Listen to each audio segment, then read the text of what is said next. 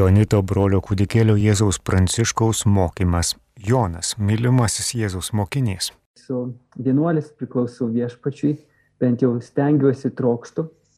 Norėčiau gal pradėti palyginimų paveiksliuką iš, iš Belgijos katedros bazilikos. Ir jisai tą paveiksliuką pavartojo kaip būdą paaiškinti, kokį tikslą mums kelia evangelinė Jėzaus žinia ir kiek mes iš tikrųjų pajėgus esame realizuoti. Aš sakyčiau, iš vis, jeigu ten dar vienas bokštas pavyko pastatyti, jau didelis dalykas. Daugeliu iš mūsų, net ir be abiejų bokštų, ta bazilika gali atrodyti. Tai aš norėčiau panaudoti tą įvaizdį, bet truputėlį iš kitos pusės ir būtent norėdamas paaiškinti tuos skirtingus būdus pažvelgti į tą pačią tikrovę. Aš norėčiau pakalbėti daugiau iš dvasinės pusės.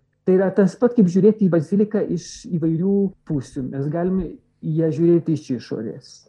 Iš išorės irgi iš fasado pusės, iš dešinio šono, kairio šono, iš viršaus galime pasižiūrėti jinai bus visiškai kitokia. Kai pažiūrėsime iš vidaus, jinai bus dar kitokia. Jeigu nusileisime į tos bazilikos kriptą, jinai vėl bus visiškai kitokia.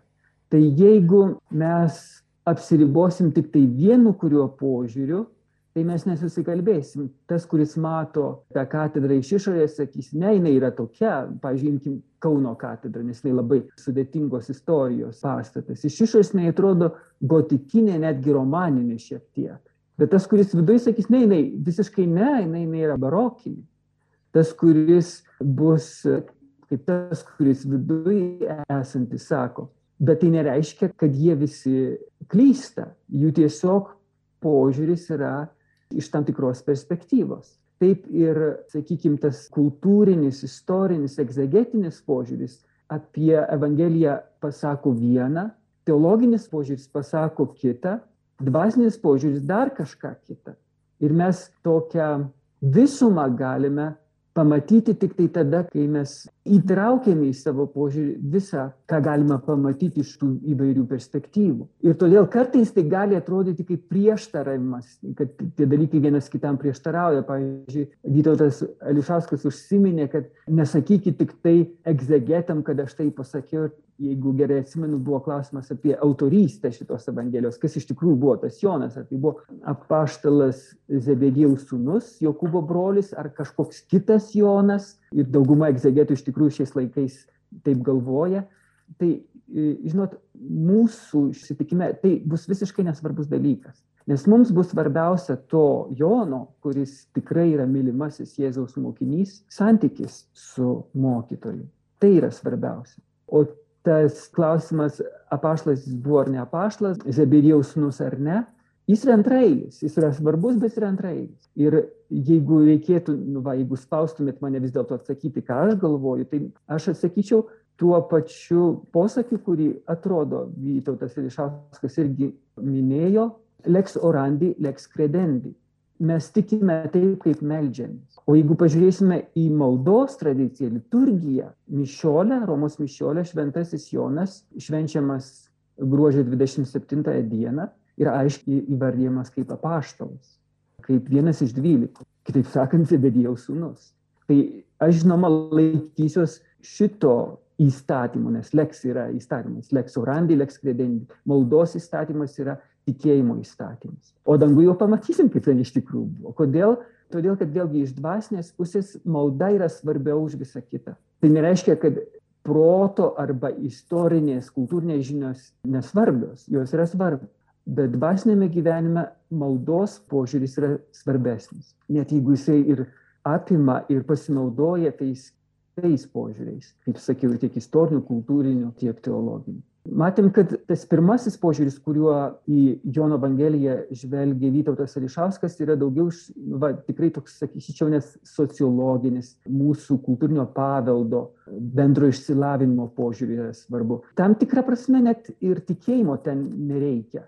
Nes galima žavėtis Šventojo Evangelija kaip literatūrinė paminklė. Yra tokių žmonių, kurie be jokio tikėjimo gilinasi ir rašo straipsnius labai įdomius straipsnius apie šitą, šitą Evangeliją arba bet kokią kitą šventojo rašto knygą arba visą šventąjį raštą apskritai paėmus. Su Benu Ulevičiumi mes matėm, kaip tas pats literatūrinis paminklas, sakykime taip, jau iš tos pirmosios perspektyvos žiūrint, kaip jis, žvelgiant į jį, tikėjimo nušviestų protų, jau nebe vien tik tai protų iš bendro išsilavinimo, iš prigimtinių protų, bet tikėjimo nušviestų protų, o tikėjimas yra Dievo malonė, Dievo dovana, staiga atsiveria tokie nuostabus klodai, nes iš tikrųjų Benas Ulevičius labai taip giliai, gražiai, pedagogiškai, katechetiškai, ta giliausia žodžio prasme, graikiškai žodžio prasme, katechesis, mums parodė, kokios gelmės yra šventojo Evangelijoje, žiūrint būtent iš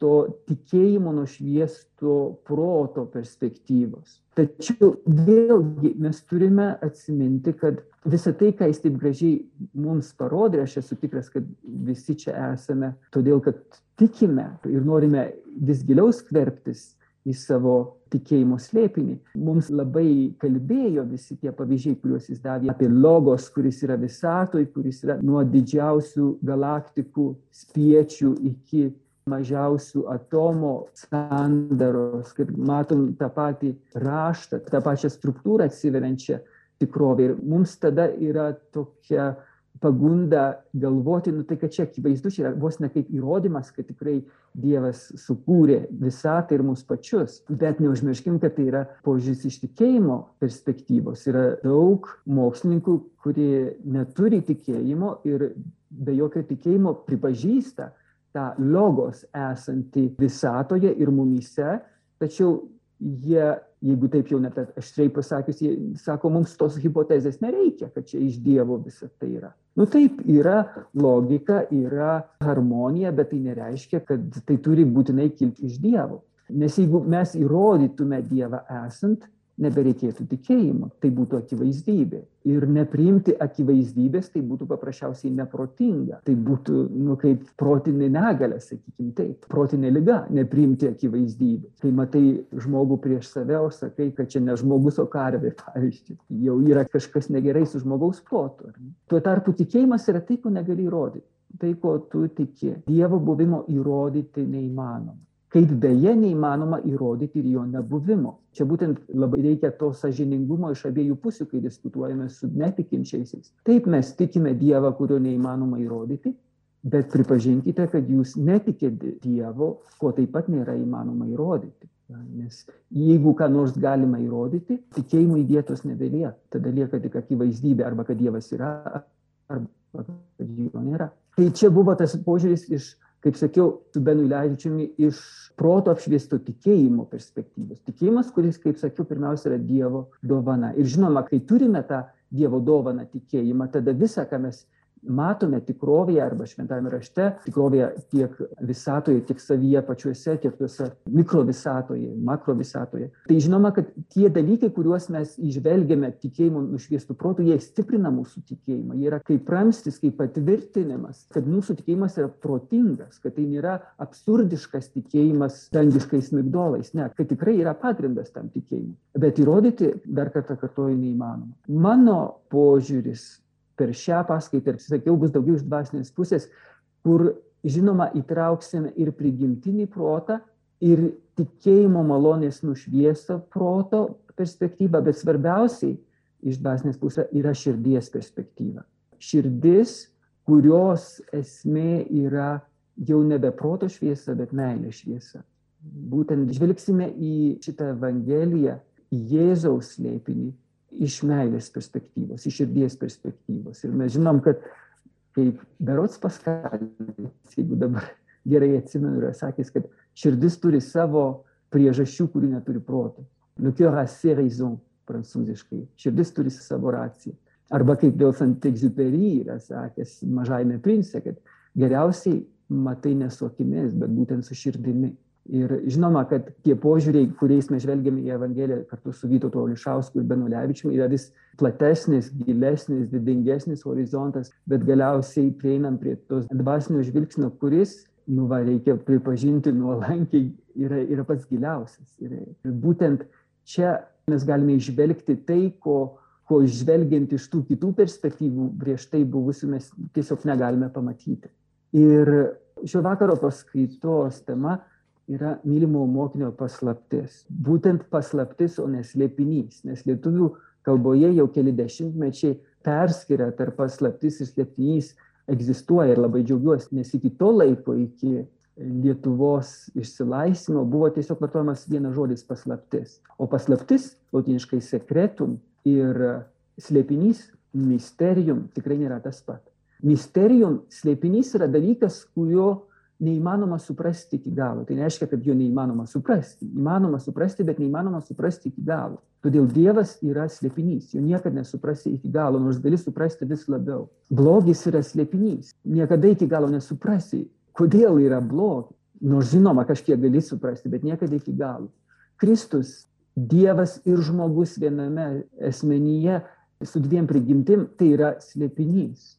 Eucharistija yra slėpinys, duona ir vynas tampantis Kristaus kūnu ir tai yra slėpinys. Kažkas, ko neįmanoma suprasti iki galo, bet ką galima suprasti. Ir todėl galime netgi kalbėti apie mylimojo mokinio slėpinį. Tai yra tikrovė, kurią kažkiek galės suprasti, tačiau ne iki galo. Bet mūsų šio vakaro tema nėra mylimojo mokinio slėpinys, bet paslaptis. Ir kas yra paslaptis? Tai, kas nėra žinoma kitiems. Tai, ką aš slepiu savo širdyje ir kuo galiu dalintis tik tai su labai artimai žmonėmis. Ir tų paslapčių yra visokių. Yra gerų paslapčių, yra blogų paslapčių. Blogų paslapčių geriau nesidalinti, nebent per išpažinti. Geromis paslaptimis mes paprastai dalinamės, kaip, kaip minėjau, su artimiausiais žmonėmis. Ir būtent ta paslaptis, kas yra mūsų širdies gelmėje, yra vienas iš draugystės apibrėžimo elementų pagal Šventąjį Tomą Akvinietį. Šventasis Tomas Akvinietis sako, kad draugystė yra pirm idem velle, latiniškai trokšti, norėti to paties, ko nori draugas, tai yra intencijų bendrumas, tie patys troškimai, kurie yra mano draugo širdyje, yra ir mano širdyje. Ir antras - paslapčių dalinimas. Su draugu aš iš tikrųjų galiu pasidalinti paslaptimis, nes tai nėra paslapties išdavimas. Tai, ką aš atskleidžiu draugui, nėra paslapties išdavimas, nes draugas yra alter ego, yra mano antrasis aš. Ir mylimojo mokinio paslaptis yra būtent tai, ką jis į savo širdį dar labiau negu į savo protą. Bet tai nereiškia, kad ne į protą, žinoma, kad ir į protą, bet dar labiau į savo širdį, ne, į savo protą priima per draugystę su mokytoju, su Jėzumi. Nes jeigu jis yra mylimasis mokinys, tai žinoma, kad tada yra ir išskirtinis santykis tarp Jėzaus mokytojo ir to mylimojo mokinio. Jono. Žinoma, kad Jėzus mylėjo visus savo mokinius, įskaitant ir Judą. Ir labai gražu matyti, kaip pat paskutinės akimirkos Jėzus tengiasi sužadinti tą, atgaivinti, netgi gal sakyčiau, meilę judo širdyje, nes judas irgi, jeigu, iskarijotas, aš turiu menį, ne juda tą, jeigu jisai ryžosi atsiliepti Jėzaus kvietimą, jeigu jisai sekė paskui Jėzų, tai žinoma, kad jis mylėjo Jėzų taip pat nuo pat pradžių. Bet kaip dažnai atsitinka santokoje, pavyzdžiui, arba pašvestajam gyvenime, kunigystės, tarnystėje, ta pirmoji meilė kažkur išgaruoja ir tada žmonės ne tik, kad nemyli vienas kitų, bet ima vienas kito nekesti, nekesti savo tarnystės, kunigiškos tarnystės ir savo pasišventimo ir tada išeina trenkdami durimis ir, ir net kitą kartą prarasdami tikėjimą, jeigu kalbėsime apie pašvestą į gyvenimą arba kunigystę arba nebenorėdami nieko girdėti apie žmogų, su kuriuo kūrė savo gyvenimą kartu santokui. Tai kažkas panašaus įvyko ir judu. Ir labai gražu, kaip sakiau, matyti, kaip Jėzus iki paskutinės akimirkos mėgina pažadinti tą mirusią, žuvusią, galbūt nužudytą pirmąją meilę savo mokytojui. Aš turiu omeny paskutinę vakarienę, kad jau pradėjau tai pabaigti, tai būtent kai, kai po Euharistijos, pirmosios Euharistijos, kai Jėzus laužo duoną ir, ir dalyja savo mokiniams, sakydamas, tai yra mano kūnas ir taurę vyno, sakydamas, tai yra mano kraujas, jisai sako, kad kai prieina prie judo ir atskleidžia tą vėlgi paslapti ir slėpinį kartu, kad vienas iš jūsų išduos mane. Ir Petras tusiau nori sužinoti, kas išduos. Ir žinodamas, kad jis negali šito išgauti iš Jėzaus, bet Jonas gali, nes Jonas yra mylimasis mokinys jis yra įleidžiamas į mokytojo širdies paslaptis ir jis tada mosteli Jonui sužino, kas jis yra. Ir Jėzus duoda ženklą Jonui, tai tas, kuriam padažęs paduosiu kasnį. Ir padažytą kasnį, žinoma, kad tu nepaduosi į ranką, nes nu, tai šlapios kasnis. Tokį kasnį gali paduoti tik tai į burną. O kai duodi kasnį į burną, nu irgi žiūrėkit, ne kiekvienamgi paduosi kasnį į burną. Tik labai artimam, tik labai intimiam žmogui tai gali padaryti. Motina savo vaiką maitina taip. Įsimylėliai vienas kitą taip maitina. Nepaduosigi žmogui gatvėje kasnio į burną. Ir todėl tas komunijos prieimimas į burną, kaip jau yra daugelis amžių katalikų, lotynų bažnyčios apeigose, tai irgi išreiškia būtent tą nepaprastą intimumą ir artumą, kuris yra tarp Kristaus kunigo asmenyje ir priimančiojo, kuris yra kaip mylimasis mokinys. Arba kaip judas, jeigu jisai priima nevertai. Tai matom, kad iš tikrųjų, kad Jėzus kiekvieną mokinį myli, tačiau kadangi jis yra ne tik Dievas, kuris visus myli vienodai, tik tai mes ne visi vienodai priimame tą meilę. Mes meilę priimame tiek, kiek atsiveriame jai. Sakykime, toks palyginimas, jeigu žmogus susidangstęs visas langines ir užsidaręs visas duris ir sako, kad tamsu ir nėra jokios saulės, tai nereiškia, kad saulės nėra. Jis tiesiog užsidaręs yra ir sėdi savo kurmio urve bet tas, kuris atveria visas langines ir duris arba net pats išeina į, į lauką, ko dabar Lietuvoje nelabai galima, kaip aš suprantu. Tai tada tu, žinoma, maudaisi toje saulės šviesoje, tu priimi to šviesos tiek, kiek, kiek tau iš vis yra įmanoma jos priimti. Tai su Dievo meilė yra taip, jinai kaip saulė, kuris siunčia savo šviesą visiems kūriniams, bet tie, kiek tie kūriniai priima tą šviesą, priklauso nuo pačių kūrinių. Tai žinoma, kad Jėzus kaip Dievas, jis myli tokią meilę visus ir savo mokinius, 12 paštlų ir platesnį mokinių ratą, tuos 70 mokinių ir, ir šventasis moteris ir, ir kiekvieną iš mūsų, tiek per tuos bažnyčios amžius jau gyvenusių Kristaus mokinių, tiek šiais laikais gyvenančių, tiek dar gyvensančių iki pat pasaulio pabaigos. Tai čia žiūrint iš tos Jėzus kaip Dievo meilės perspektyvos, bet Jėzus taip pat yra tikras žmogus. Ir kaip žmogus, jis savo žmogišką širdimi, žinoma, kad labiau mylėjo vienus žmonės negu kitus. Sakykime, jis labai mylėjo ir fariziejus, ir aštų aiškintojus. Ir būtent iš, iš meilės jiems jis taip, taip aštriai juos barė. Jums rašo paaiškinti ir fariziejus, kaip pabaltinti heiteris, kaip dabar jau tas svetimžodis yra įprastas vartoti lietuvių kalboje. Ne, jis tai sako iš meilės. Tai yra tarsi, žinot, kai, kai žmogus dvasiškai, nu, aš jau sakau dvasiškai, kai žmogus miršta, jam reikia tokio sukrėtimo ir dažnai, kai stoja širdis, yra tas elektrinis smūgis, tai pažadinti vėl širdį ir atgaivinti sugražinti žmogų į gyvenimą. Taip yra su ta dvasinė mirtimi, kurią Jėzus mato ir jis, nu, va taip va, nori supurti tuos mirštančius dvasiškai fariziejus ir, ir, ir rašto aiškinti, nes jis juos myli. Žinoma, kad jis nori, kad jie grįžtų, grįžtų į, į tą tikrąjį gyvenimą, Dievo gyvenimą.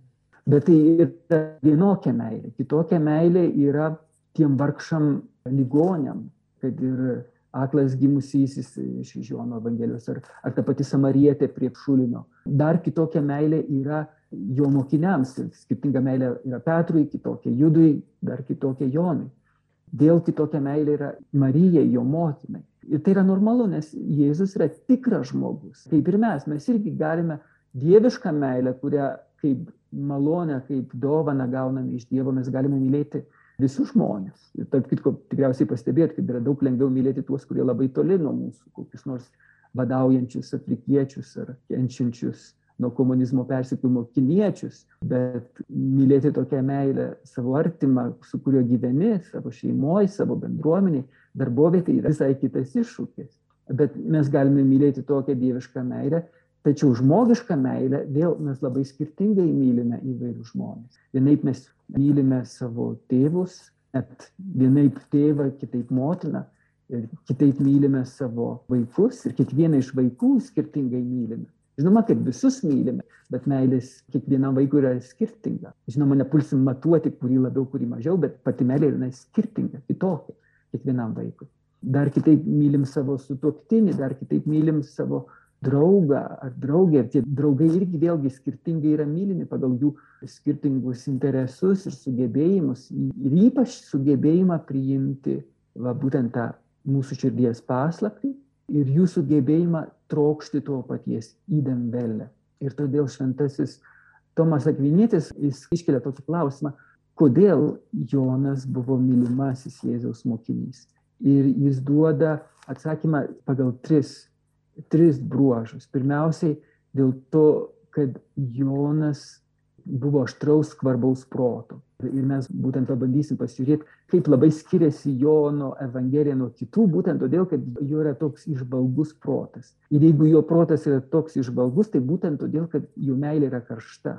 Jeigu jūs pažvelgsite savo pačių patirtį, kai, kai kalba koks nors žmogus, dilė koks, ar ne, kaip sako Lietuvoje, jūs dažniausiai pro vieną ausį leisit, tai kai sakot, pro kitą išleisit. Nebent jis kalba, ką nors labai svarbaus jums ir tada jūsų reakcija gali būti labai įstringa ar labai audringa, griežtai ne arba griežtai taip. Bet jeigu jums kalba žmogus, kurį mylite, tada kiekvienas to žmogaus žodis jums krinta į širdį. Ir jis suskamba ten visai kitaip negu tą patį žodį būtų pasakęs koks, nu, visai bilen koks žmogus, ar ne. Ir tas žodis, mylimo žmogaus pasakytas žodis, jis ne tik, kad suskamba visai kitaip toj mano širdį, bet jis ten lieka. Jis ten lieka ir ten skamba ir yra saugojamas. Ir kaip koks na, palikimas, kaip koks lobis, turtas. Prie jo nuolat grįžti prie tų žodžių. Jis, jisai nušvinta naujom spalvom, atveria naujas prasmes kurių anksčiau gal ne, nebuvai pastebėjęs. Arba labai panašiai kaip su meilės laišku, kuriuos šiais laikais gal jau žmonės rašo meilės SMS arba meilės e-mailus, bet tais laikais, kai dar rašydavo tokius meilės laiškus, tai kai gauni laišką, ką darai, tu perskaitai, praryji tiesiog pirmą kartą ir paskui skaitai dar kartą ir dar kartą ir dar kartą ir kas kartą tu vis išvelgi prasmių turinį tarp eilučių, kur nemylintis žmogus visiškai nieko nepastebėtų. Va taip yra su tuo Jono proto aštrumu. Jeigu jis yra toks aštrus, tai todėl, kad jis yra mylintis. Mylintis protas yra daug giliau žvelgiantis, įžvelgiantis negu protas, tiesiog protas, be meilės. Tai čia pirmasis bruožas, dėl ko Joną Jėzus mylėjo anot Tomo Kviniečio. Antrasis, dėl jo širdies tyrumo, kad Jono buvo ypatingai tyra širdis. Ir iš tradicijos žinome, kad Jonas buvo jauniausias ir apaštlas, kuris buvo nevedęs. Jisai, galima tai pasakyti, kaip, vos ne, kaip pirmasis vienuolis. Nors pati pirmoji vienuolė, mes dar prie to grįšime, buvo Marija. Pirmasis žmogus pasiaukojęs Dievui kristišku būdu. Tai šitas širdies tyrumas ir tarp kitko yra tokia įdomi viduramžių tradicija, kur nėra tradicija iš didžiosios raidės. Tradicija iš didžiosios raidės yra apreiškimo dalis, apreiškimo kraitis, bet yra daug mažųjų tradicijų, kurių istoriškumas abejotinas, bet ir, ir labai yra įdomu ir į jas pasižiūrėti už tai, kad jos nusako, kaip žmonės žvelgia į tą konkretų žmogų ar įvykį ar situaciją praėjusiais laikais. Tai yra tokia viena iš mažųjų tradicijų, viduramžių tradicijų, kad kanos vestuvių jaunikis buvo šventasis Jonas. Kad pamatęs tą pirmąjį Jėzaus ženklą padarytą Jėzaus per kanos vestuvės, jis paliko visą, įskaitant savo nuotaką ir, ir, ir, ir išėjo kartu su Jėzumi ir kitais jo mokiniais po tų vestuvių. Nu, čia tokia gal širpiai skambanti istorija mūsų laikų supratimu, taip kaip mes suprantame santoką, bet viduramžiais tai buvo visiškai, sakyčiau, suprantamas dalykas, nes viduramžiais buvo labai nemažai atvejų, kai, sakykime, vyras ir žmona sutardavo gyventi skaičiai kaip, kaip brolius ir sesuo, įskaitant net tokius žmonės kaip imperatoriai ir karaliai. Tai žvelgiant į šitą antrąjį bruožą, kodėl Jėzus lėjo Joną ypatingą meilę, tai būtent jo širdies tyrumas. Ir širdies tyrumas nėra pirmiausiai siaurąją prasme, ta prasme, kai mes sakom, kad netyra žvilgsnis, tai tai gedulingas, gašlus žvilgsnis, bet platesnė prasme. Širdis gali būti sutepta ir tokio vagodaus žvilgsnio, ne tik į, į kitą žmogų, jo kūną, bet taip pat, kai mūsų širdis yra sutepta turto troškimu, garbės troškimu, arba ypač dažnai kaip svetimavimas netgi įvardyma šventajame rašte stabmeldystė, kai ieškai atramos ir pasitikėjimo ne vienatinėme Izraelio dieve, bet va tuose kituose dievuose, kurie, kaip Paulius sako, mes žinom, yra ne kas kito demonai. Va tokia yra netyra širdis. Judo Iskarijoto širdis buvo netyra, nes jis, nes jis buvo aiškiai sutepta netgi tokio, sakykime, laikino mesianizmo požiūriu į Jėzų.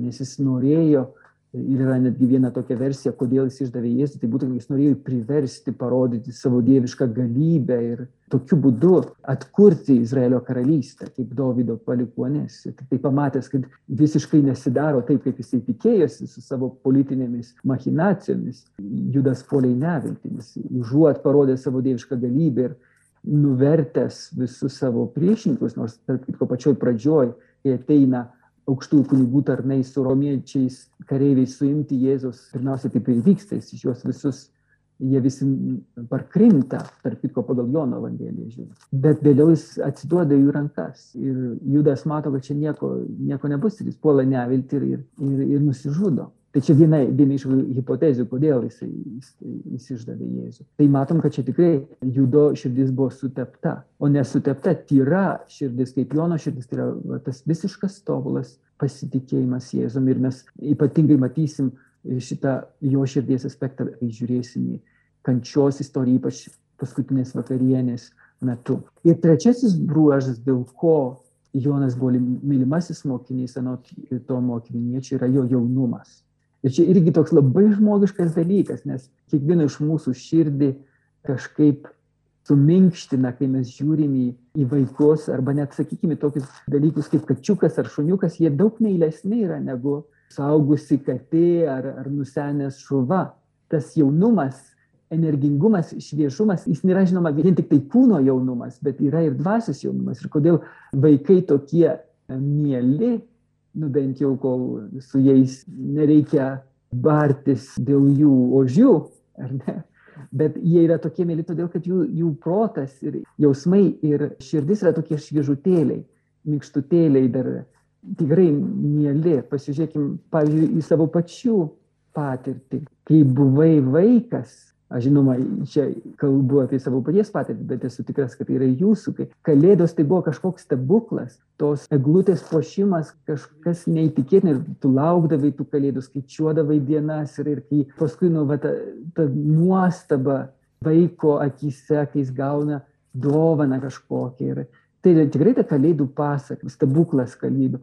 O kai tu suaugi ir su kiekvienais metais vėl reikia tą eglę puošti, ir nu kažkaip tai nusitrina tas ne nebelieka to va būtent jaunumo kuris yra toks toks žavus ir meilus. Tai nors tomas akviniai sako kad tas trečiasis bruožas dėl kurio jėzus mylėjo joną yra jaunumas nes kaip minėjau jis pagal tradiciją yra jauniausias iš jėzaus apaštalų tai žinoma kad yra ne tik tai tas amžiaus prasme jaunumas bet būtent jo širdies jo dvasios jaunumas. Va būtent tas gyvumas tas sugebėjimas įžvelgti tikrovėje kažką nuostabaus.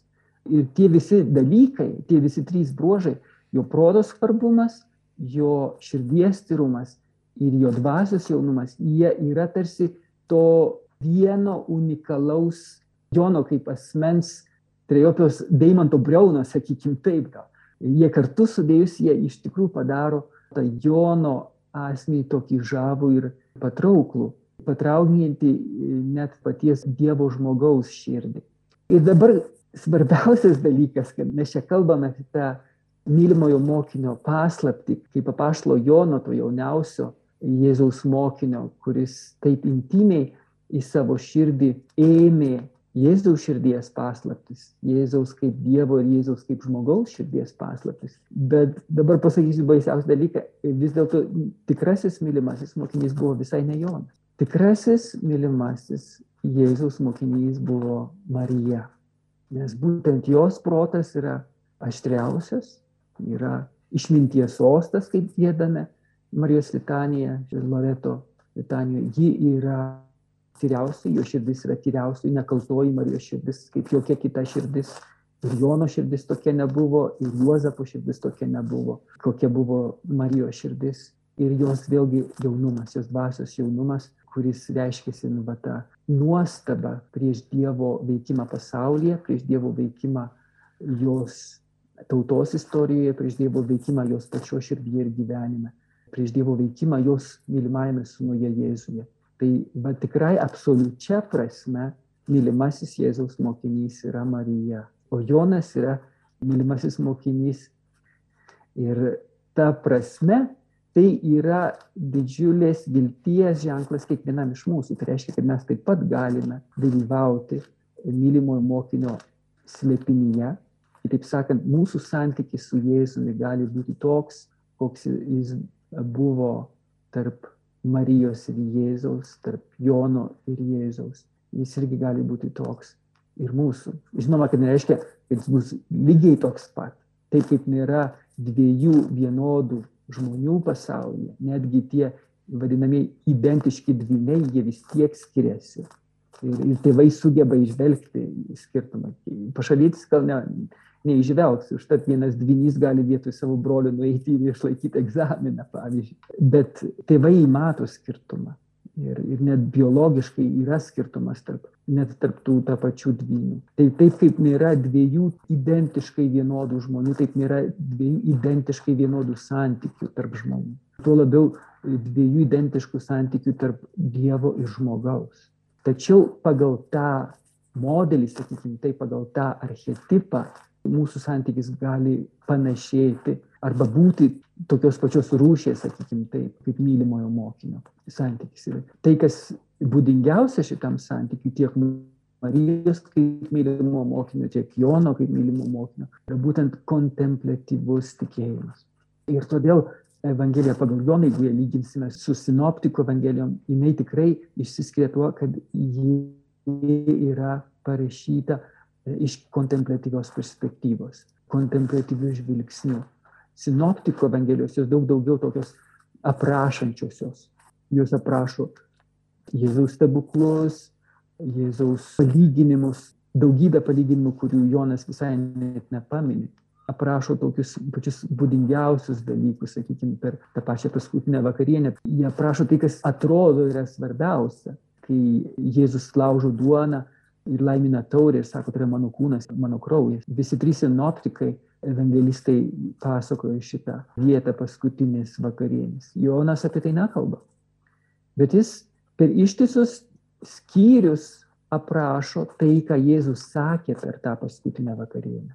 Ko sinoptikai visai nemini. Visas tas istorijas apie vynmedį ir šakeles, apie paraklėtą, apie šventą dvasę, globėją ar guodėją. Ne vienas iš kitų evangelistų nei žodžio apie tai. O Jonas ištisus skyrius aprašinėja tai, ką Jėzus kalbėjo per paskutinę vakarienę. Čia tai vėl, vėl sakau, jeigu žiūrėsim iš egzegetinės pusės, tai atrodys kažkaip nerimtai, bet jeigu žiūrėsim iš tos dvasinės, iš meilės pusės, tai yra labai suprantama. Nes jeigu, kaip aš minėjau, jeigu Jonas mylėjo Jėzų, bet ta išskirtinė meilė, išvalgia, tyra ir jauna meilė, tai žinoma, kad kiekvienas Jėzaus žodis krito jo širdį. Ir ten buvo nešiojamas dešimtmečius, nes, kaip žinom, tų Jono Evangelija buvo parašyta vėliausiai, kai Jonas jau buvo tikrai garbaus amžiaus. Jis vienintelis apaštalas pagal tradiciją mirė savo mirtimi ir sulaukęs beveik šimtų metų. Visus tuos metus jis nešiojo tuos žodžius. Taip kaip vėlgi kaip tikrasis mylimasis mokinys, kaip Marija, kuri dėmėjosi kiekvieną Jėzaus žodį ir svarstė savo širdėje, kaip Lukas rašo savo Evangelijos pradžioje.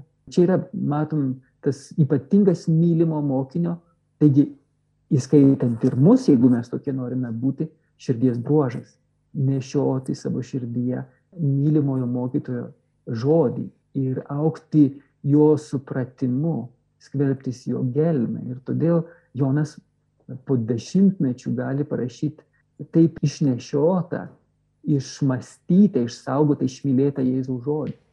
Tuo tarpu kiti evangelistai, jie tik, nu, va, tik parašė tai, kas atrodė svarbiausia ir nei žodžių neužsiminė.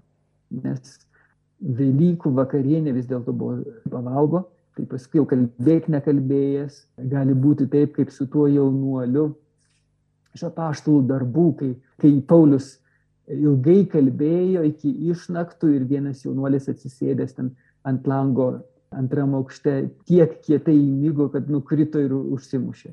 Jeigu atsimena šitą epizodą iš apaštų darbų. Tada Paulius turėjo leisti žemyn ir, ir jį atgaivinti. Tai va, toks va, kažkoks dvasius įmygis atrodo buvo apėmęs ir visus kitus apaštus. Nieko neatsimena išskyrus tai, kad Jėzus palaimino duoną ir, ir vyną, reiškia dar prieš pavalgant. O jau paskui, kas buvo, niekas neatsimena, tik Jonas. Ir Jonas visus tuos dalykus pasakoja. Kitas įdomus aspektas, į kurį Tomas Akvinėtis atkreipia dėmesį, kai jis komentuoja Šventojo Evangeliją. Jis yra parašęs visą Jono Evangelijos komentarą, kuris dėje neišverstas į lietuvių kalbą. Kaip yra daug kitų bažnyčios taigų yra išsamei komentavę visas Evangelijas, bet ypač Jono Evangeliją. Tai būtent pirmasis susitikimas su Jonu, Jėzaus ir Jono susitikimas, tai kai Andriejus ir Jonas, Jono Krikšto mokiniai, kuris jiems parodo Jėzų kaip Dievo avinėlį, kuris naikina pasaulio nuodėmę. Reiškia tikrąją auką, kuri atperka iš nuodėmės. Avinėlis, tai žinom, yra pagrindinė Izraelio tautos auka, aukojama kiekvieną dieną, rytą ir vakarą, deginamoji avinėlio auka. Ir kodėl kartojama? Todėl, kad laiško hebrajams autorius sako, nu, neįmanomas dalykas, kad telyčios pelenai ir ir jaučių kraujas gali apvalyti mūsų nuodėmes. Tai yra tik simbolis, tik ženklas. Vienintelis kraujas, kuris mus iš tikrųjų apvalo nuo mūsų nuodėmių, yra vienintelio tikrojo avinėlio Jėzaus kraujas. Kai Jonas Krikštojas parodo savo mokiniams, štai Dievo avinėlis, kuris naikina pasaulio nuodėmę, jo mokiniai Andriejus ir tas kitas mokinys, tokiu būdu Jonas save įvardyje, nes per visą Evangeliją tas kitas mokinys arba įmasis mokinys yra jis pats, jie nu, nusekė paskui Jėzų. Ir toj Evangelijoje yra tokie žodžiai, kai Jėzus sako, ateikite ir pamatysite, jų klausimas, ko ieškote, jie atsakė, rabi, mokytojau, kur gyveni, jie sako, ateikite ir pamatysite. Tada jie nuėjo, pamatė, kuris gyvena ir tą dieną praleido pas jį. Tai buvo apie 10 valandą. 10 valanda tai yra maždaug 4 valanda po pietų, nes laiką tais, tais laikais skaičiuodavo nuo 6 ryto. Pirma valanda buvo nuo 6 iki 7, antra valanda 7-8, trečia valanda 9 ryto, todėl tercija vadinama lotiniškai, trečioji valanda viena iš mažųjų dieninės valandų. E, vidurdienis yra šešta valanda, seksta ir devinta valanda yra trečia po pietų, devinta valanda Jėzus garsių balsų sušuko Eloi, Eloi lema sabachtani. Tai yra devintoji valanda, trečioji, vadinasi, dešimtą valandą ir ketvirtą po pietų. Ir Tomas Akvinis sako, nu tai yra irgi tas laikas, kai paprastai žmonės eina pogulio, siestus, o jie nusekė paskui Jėzų. Jie troško to kito maisto, negu kiekvienas paprastas žmogus, jie troško maisto savo, savo širdžiai, savo sielai ir buvo pasotinti daugiau negu galėjo tikėtis. Vėl kitas pavyzdys apie Jono santyki su Jėzumi, kurį taip brangino Jėzus Jone, mes jį galime rasti Evangelijoje pagal Luką. Nes čia vėl, jeigu žiūrėsim iš egzegezės perspektyvos, nu, tai yra kažkokia juokinga hipotezė, bet jeigu mes žiūrim iš dvasinės pusės, kaip sakiau, iš meilės pusės, tai jie skamba labai rimtai. Evangelijai pagal Luką 11 skyriuje yra taip parašyta. Kartą Jėzus vienoje vietoje meldėsi. Jam baigus maldą vienas mokinys paprašė. Taip įdomiai vėl, vienas mokinys, kaip, kaip pats Jonas save įvardyja Jono Evangelijai. Viešpatai išmokyk mus melstis, kaip ir Jonas išmokė savuosius mokinius. Jis žinojo, kad Jonas mokė savuosius mokinius melstis. Kodėl?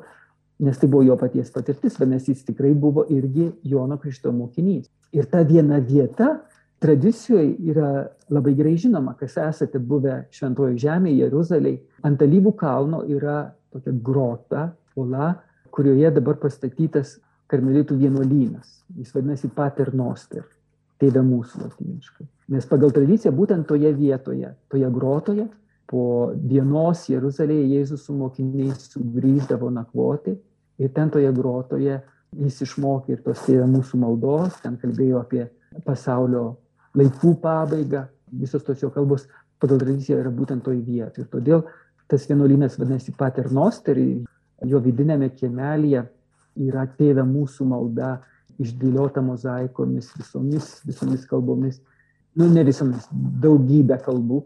įskaitant ir lietuvių kalbą. Ir, dar tais laikais, kai, kai dar buvo, dabar mums atrodo labai senoviškai skambanti, ne, ne visiškai taip, kaip mes šiandien melžiamės tėvę mūsų. Taigi šitoj vietoj Jėzus meldėsi, jis be abejo meldėsi jau vakare, jau po sunkios dienos. Kiti mokiniai garantuotai gal ruošė vakarienę ant laužo, ar ne. Tiesiog ilsėjusi po ilgos sunkios dienos. O Jėzus meldėsi. Skamba labai įprastai, nes kiekvieną kartą Jėzus vakare meldžiasi vienas kažkur ant kalno, tyruose arba kaip, kaip šičia šitojo loje. Tai va, kiti ilsisi, kiti ruošia vakarienę, bet vienas mokinys žiūri į mokytoją. Kodėl? Todėl, kad jį myli ypatingu būdu. Ir jo širdis trokšta pažinti, patirti savo mokytojo širdies paslapti. Ta didžiausias sūnaus paslapti tai yra jo santykijo ryšys su tėvu. Ir būtent dėl šito Jono, nes, nu, va, kaip jau supratot, iš dvasinės perspektyvos žvelgiant, mes tikrai galime atpažinti, kad tik Jonas galėjo šitai paklausti ir paprašyti. Va, dėl šito Jono proto svarbumo, jo širdies tyrumo, jo dvasios jaunumo mes gavome kaip paveldą sunaus širdies paslapti, jo santyki su tėvu, tėvė mūsų malda. Jėzus tarė jiems, kai melsite, sakykite, tėvė mūsų esi šventas tavo vardas. Ir būtent šitas aspektas iš Luko Evangelijos, ir vėlgi kitas patvirtinimas būtų, Lukas savo Evangelijos pradžioje rašo, kad jisai stengiasi išsiaiškinti iš patikimiausių šaltinių apie tai, kas įvyko. Ir remdantis tai šaltiniais parašė savo Evangeliją. Tai kas yra patikimiausias šaltinis, žinoma, Marija pirmiausiai. Todėl mes turime Jėzaus vaikystės skyrius pas Luką ir mylimasis mokinys, kuris pasiėmė Mariją pas save po Jėzaus kryžiaus. Tai žinoma, kad jėdu buvo Luko šaltinis. Jeigu Marijos jau nebebuvo šio žemėje, tada Jonas, kuris be abejo toliau buvo mokomas. Nes Marija buvo Jėzaus mokinė 33 metus, kiti apaštai tik 3 metus. Tai žinoma, kad paskui po Jėzaus prisikėlimo ir dangun žengimo iki Marijos dangun ėmimo jie kartu gyveno Efeze, ten, kur iki šiol tebėra namelis, Marijos namelis Mirjan Mana, tai, tai žinoma, kad Marija toliau perteikinėjo tas Jėzaus širdies paslaptis, kuris jinai pati buvo prieimus iš Jėzaus, būtent Jonui, kuris jai buvo atiduotas Jėzaus kaip sunus, kaip mylimasis sunus, kaip mylimasis mokinys. Jonito brolio kūdikėlio Jėzaus Pranciškaus mokymas. Jonas, mylimasis Jėzaus mokinys.